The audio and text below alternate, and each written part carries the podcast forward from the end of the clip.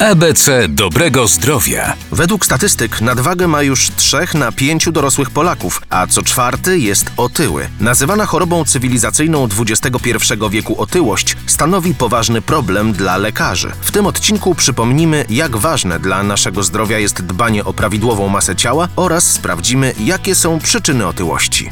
Otyłość nie jest problemem estetycznym, tylko jest to jednostka chorobowa, która ma również leczenie i należy nie tylko jej zapobiegać, ale jeśli wystąpi, starać się ją leczyć. Od lat obserwujemy bardzo systematyczny wzrost częstości występowania nadwagi i otyłości i ma to bez wątpienia związek z postępem cywilizacyjnym. Bardzo dużo spędzamy czasu na siedząco, wszędzie jeździmy samochodem, windą, bardzo mało wydatkujemy tej energii, a z drugiej strony mamy mało czasu, co powoduje, że często zaniedbujemy sposób, w jaki się odżywiamy. To odkłada się w postaci dodatkowych kilogramów. Podkreśla doktor habilitowana nauk medycznych Marta Mańczuk, profesor Narodowego Instytutu Onkologii. Zrzucenie nadprogramowych kilogramów pomaga chronić się między innymi przed chorobami nowotworowymi, a także zwiększyć skuteczność ich leczenia. Kampania społeczna Planuje Długie Życie, realizowana w ramach Narodowej Strategii Onkologicznej we współpracy z Ministrem Zdrowia.